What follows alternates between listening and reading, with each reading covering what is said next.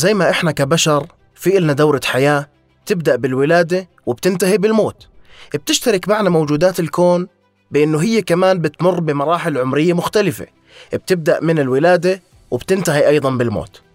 وطبعا موضوع النشأة بيختلف كليا في التفاصيل. إحنا كبشر بنحتاج لأب وأم بينما النجوم ما بتحتاج إلا الغازات والغبار الكوني. بتعيش هاي النجوم اللي عددها يفوق التريليونات في الكون ملايين السنين. وهي بتمد الكون بالطاقة. في حلقتنا اليوم من بروتون بودكاست راح تعرفوا معي كيف بدأت حياة هاي النجوم وكيف تكونت. وراح نمر على جميع المراحل اللي بتمر فيها النجوم قبل ما توصل لنهايتها.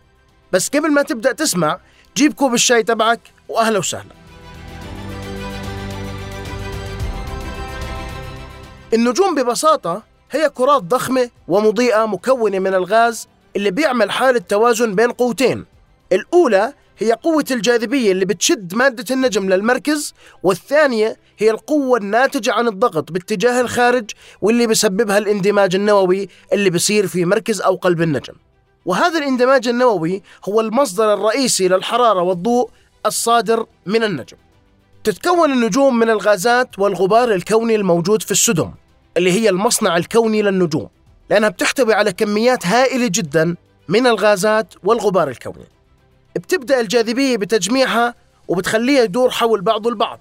وعند وصول الدوران لحد معين بتبدأ عمليات الاندماج النووي واللي هي باختصار أربع ذرات هيدروجين بيندمجوا مع بعضهم ليكونوا لنا ذرة هيليوم واحدة وطبعا فرق الكتلة بين المتفاعلات والنواتج حسب معادلة تكافؤ الكتلة والطاقة لأينشتاين بتحول للطاقة الهائلة اللي بتخلينا نشوف النجوم مضيئة ليلا وعشان نفهم الفكرة بشكل أوضح خليني أخذ على سبيل المثال نجمنا اللي هو الشمس. الطاقة اللي بتنتجها مليارات التفاعلات النووية داخل قلب الشمس بتخلي درجة حرارة مركزها توصل حوالي 15 مليون درجة مئوية. بتستهلك الفوتونات اللي بتنتجها هاي التفاعلات النووية في مركز الشمس حوالي 5000 سنة علشان توصل لغلافها الخارجي. بينما يحتاج هذا الفوتون الضوئي نفسه لثمان دقائق وعشرين ثانية فقط حتى يقطع مسافة 150 مليون كيلومتر اللي موجودة بيننا وبين الشمس. ولما بتوصل الفوتونات اللي هي الوحدات بناء الضوء لسطح الشمس بتكون بردت وصارت درجة حرارتها حوالي 6000 درجة مئوية. في مركز النجم موجود النواة اللي بتصير فيها عمليات الاندماج النووي. نصف قطرها حوالي 150 ألف كيلومتر. بعدها مباشرة موجودة منطقة الإشعاع وهي المنطقة اللي بتنتقل من خلالها الطاقة الناتجة من نواة قلب الشمس للمناطق الخارجية. سمك هاي المنطقة حوالي 300 ألف كيلومتر. بعدها مباشرة بتيجي منطقة الحمل الحراري اللي بتنقل الحرارة من الداخل للخارج بواسطة اختلاط الغاز الساخن الداخلي في هاي المنطقة مع الغاز البارد نسبيا في الجزء الخارجي منها وسمك هاي المنطقة حوالي 200 ألف كيلو متر. الحمل الحراري طبعا هو أحد الطرق الفيزيائية المهمة لنقل الحرارة بشكل عام. طبعا هاي المنطقة بيجي مباشرة بعدها ما يسمى بالغلاف الضوئي وهي المنطقة الأساسية اللي إحنا كبشر بنشوفها من الشمس. بتتحرر من هاي المنطقة فوتونات الضوء للفضاء الفسيح. وطبعا هاي الطبقة هي أرق طبقات الشمس وسمكها حوالي 500 كيلومتر. أما المنطقة الأخيرة فهي منطقة الهالة الشمسية اللي بتتكون من غازات متآينة تحيط بالشمس. وهي منطقة سميكة جدا بتمتد لملايين الكيلومترات وبتوصل حتى الغلاف الجوي للأرض. ولكن لحسن الحظ إنها بتوصلنا ضعيفة وأن المجال المغناطيسي الأرضي قادر على حمايتنا من الجسيمات والإشعاعات الضارة اللي بتصدر من الشمس. تقسيم الطبقات اللي حكيته من شوي ينطبق على بنية باقي النجوم برضو مع اختلافات في سمك وموقع كل طبقة. مثلا في النجوم الصغيرة اللي كتلتها أصغر من نصف كتلة الشمس بتكون منطقة الإشعاع صغيرة لا تذكر.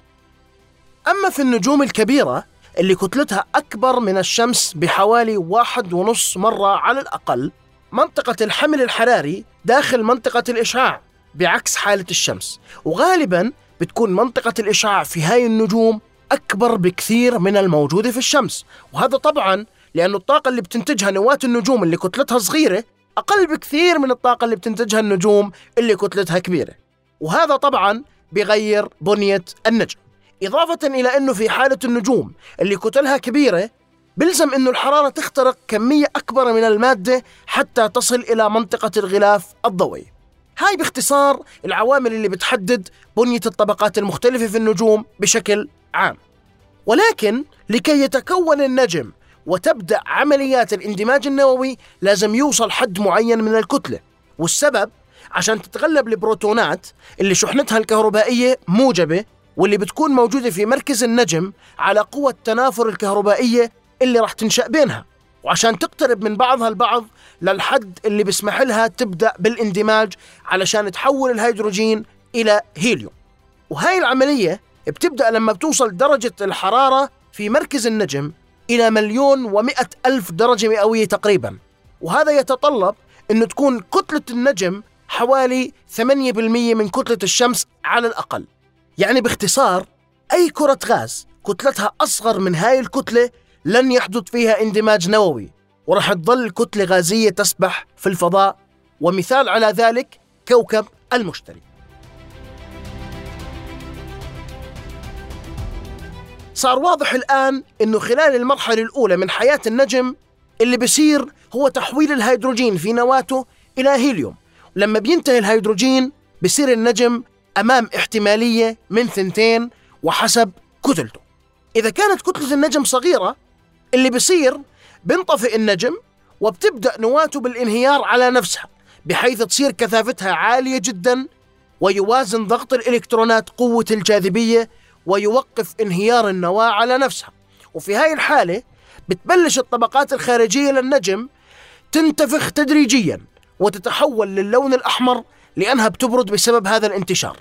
وهيك بيكون النجم تحول إلى مرحلة أخرى وبصير اسمه فيها عملاق أحمر.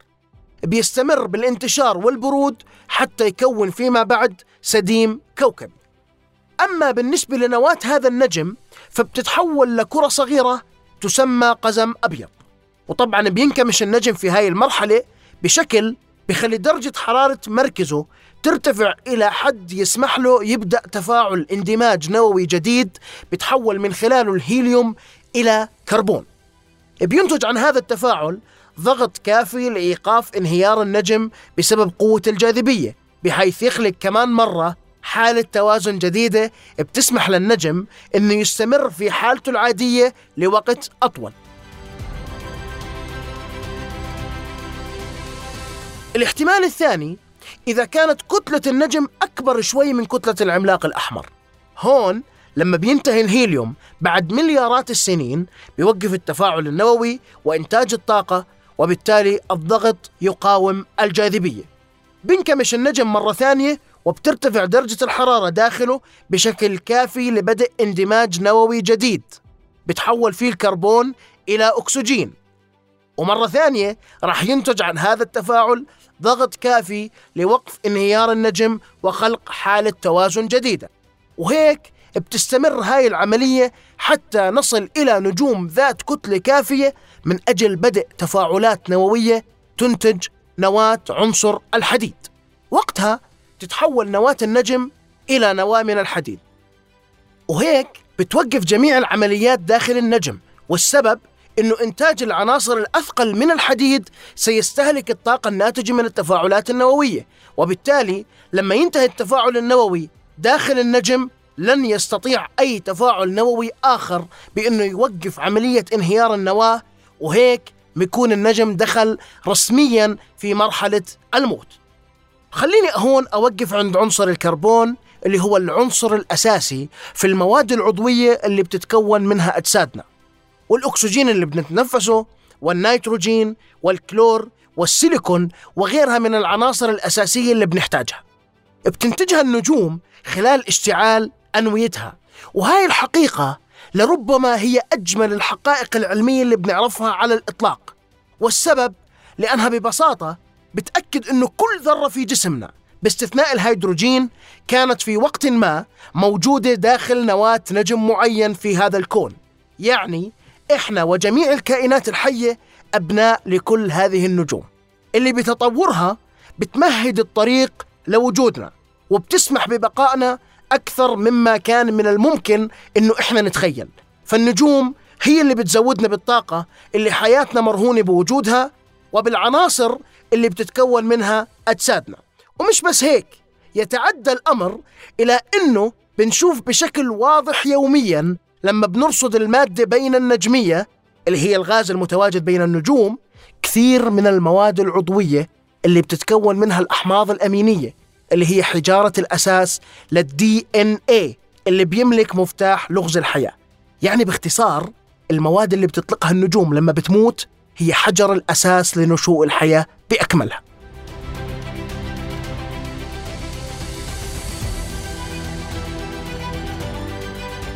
أول سؤال لازم يخطر ببالك لما بدي أحكي لك عن موت النجم هو إنه هل بيقدر ضغط الإلكترونات إنه يوقف الانهيار بعد أن يتوقف التفاعل النووي في مركز النجم؟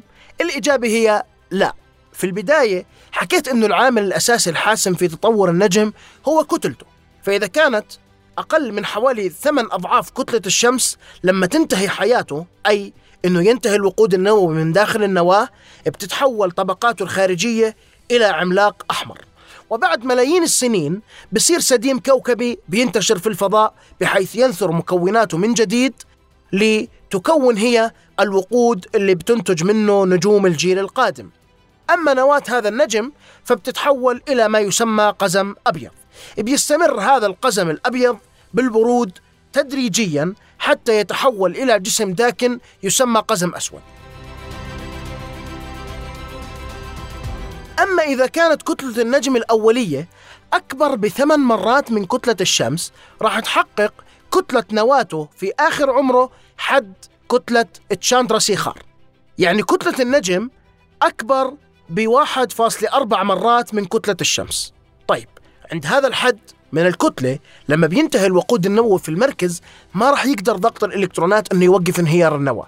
واللي بيصير فيزيائيا هو أنه الضغط الكبير اللي راح تواجهه المادة المنهارة على نفسها في نواة النجم راح يجبر البروتونات والإلكترونات على الاندماج مع بعضهم لتكوين النيوترونات بحيث تصبح المادة في هاي الحالة مكونة من النيوترونات فقط. في المراحل الأولى من هاي العملية بتبدأ الطبقات الخارجية للنجم بالتضخم وبيتحول لونها إلى أحمر. وزي ما حكيت تسمى بالعملاق الأحمر الضخم أو الفائق. وهي نجوم عملاقة آه، تنتج في المراحل الأخيرة من حياة نجم كبير.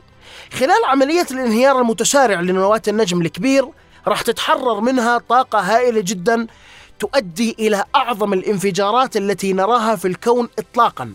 طبعا باستثناء الانفجار العظيم نفسه والمعروف باسم المستعر الأعظم أو السوبر نوفا بحيث إنه هذا النجم بيقذف طبقاته الخارجية إلى الفضاء بشكل عنيف جدا بحيث يضيء هذا النجم المنفجر خلال تحريره لهذا القدر الهائل من الطاقة ما يعادل مجرة كاملة من النجوم. يعني تقريبا إحنا بنحكي عن 10 إلى 100 مليار نجم. بيستمر هذا الإشعاع لعدة أيام. طبعا بيتبعه خفوت بطيء ولكنه يستمر لعدة أشهر.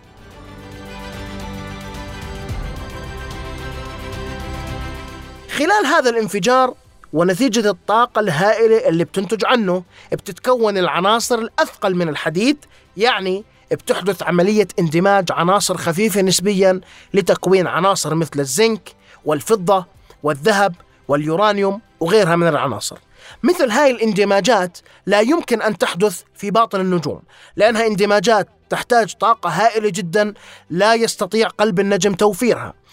لكن في مرحلة المستعر الأعظم بيكون في فائض كبير من الطاقة بمقدار يسمح باندماج العناصر لتكوين العناصر الأثقل.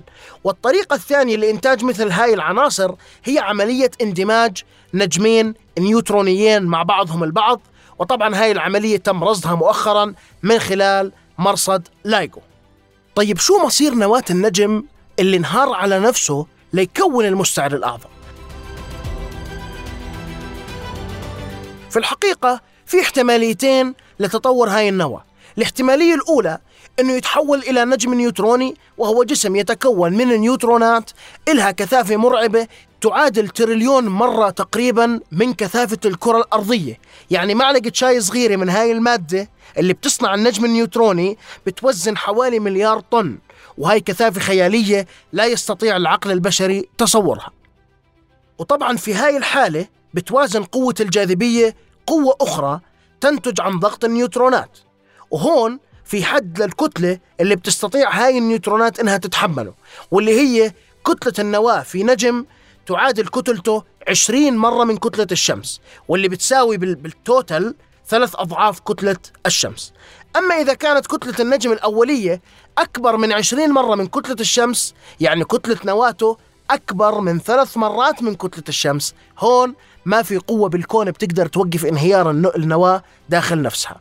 بشكل بخلي كثافتها لا نهائية واللي بيصير في هاي الحالة هو إنه الكثافة الهائلة اللي بتنتج عن هذا الانهيار بتحدث شرخ في الزمكان وبتغير صفاته الأساسية. يعني الكثافة الهائلة اللي بيحدثها هذا الانهيار بتمنع أي شيء حرفيا حتى الضوء نفسه من الهروب منه. لهذا بنسمي هاي الأجسام الغريبة بالثقوب السوداء. وطبعا هاي الأجسام منتشرة جدا في الكون وبتلعب دور هام في الكثير من الظواهر اللي بنرصدها وبتساهم في الحفاظ على تماسك المجرات. وطبعا حسب حد أوبنهايمر فولكوف النجوم هاي كتلتها أكبر من ثلاث أضعاف إلى مليارات أضعاف كتلة الشمس.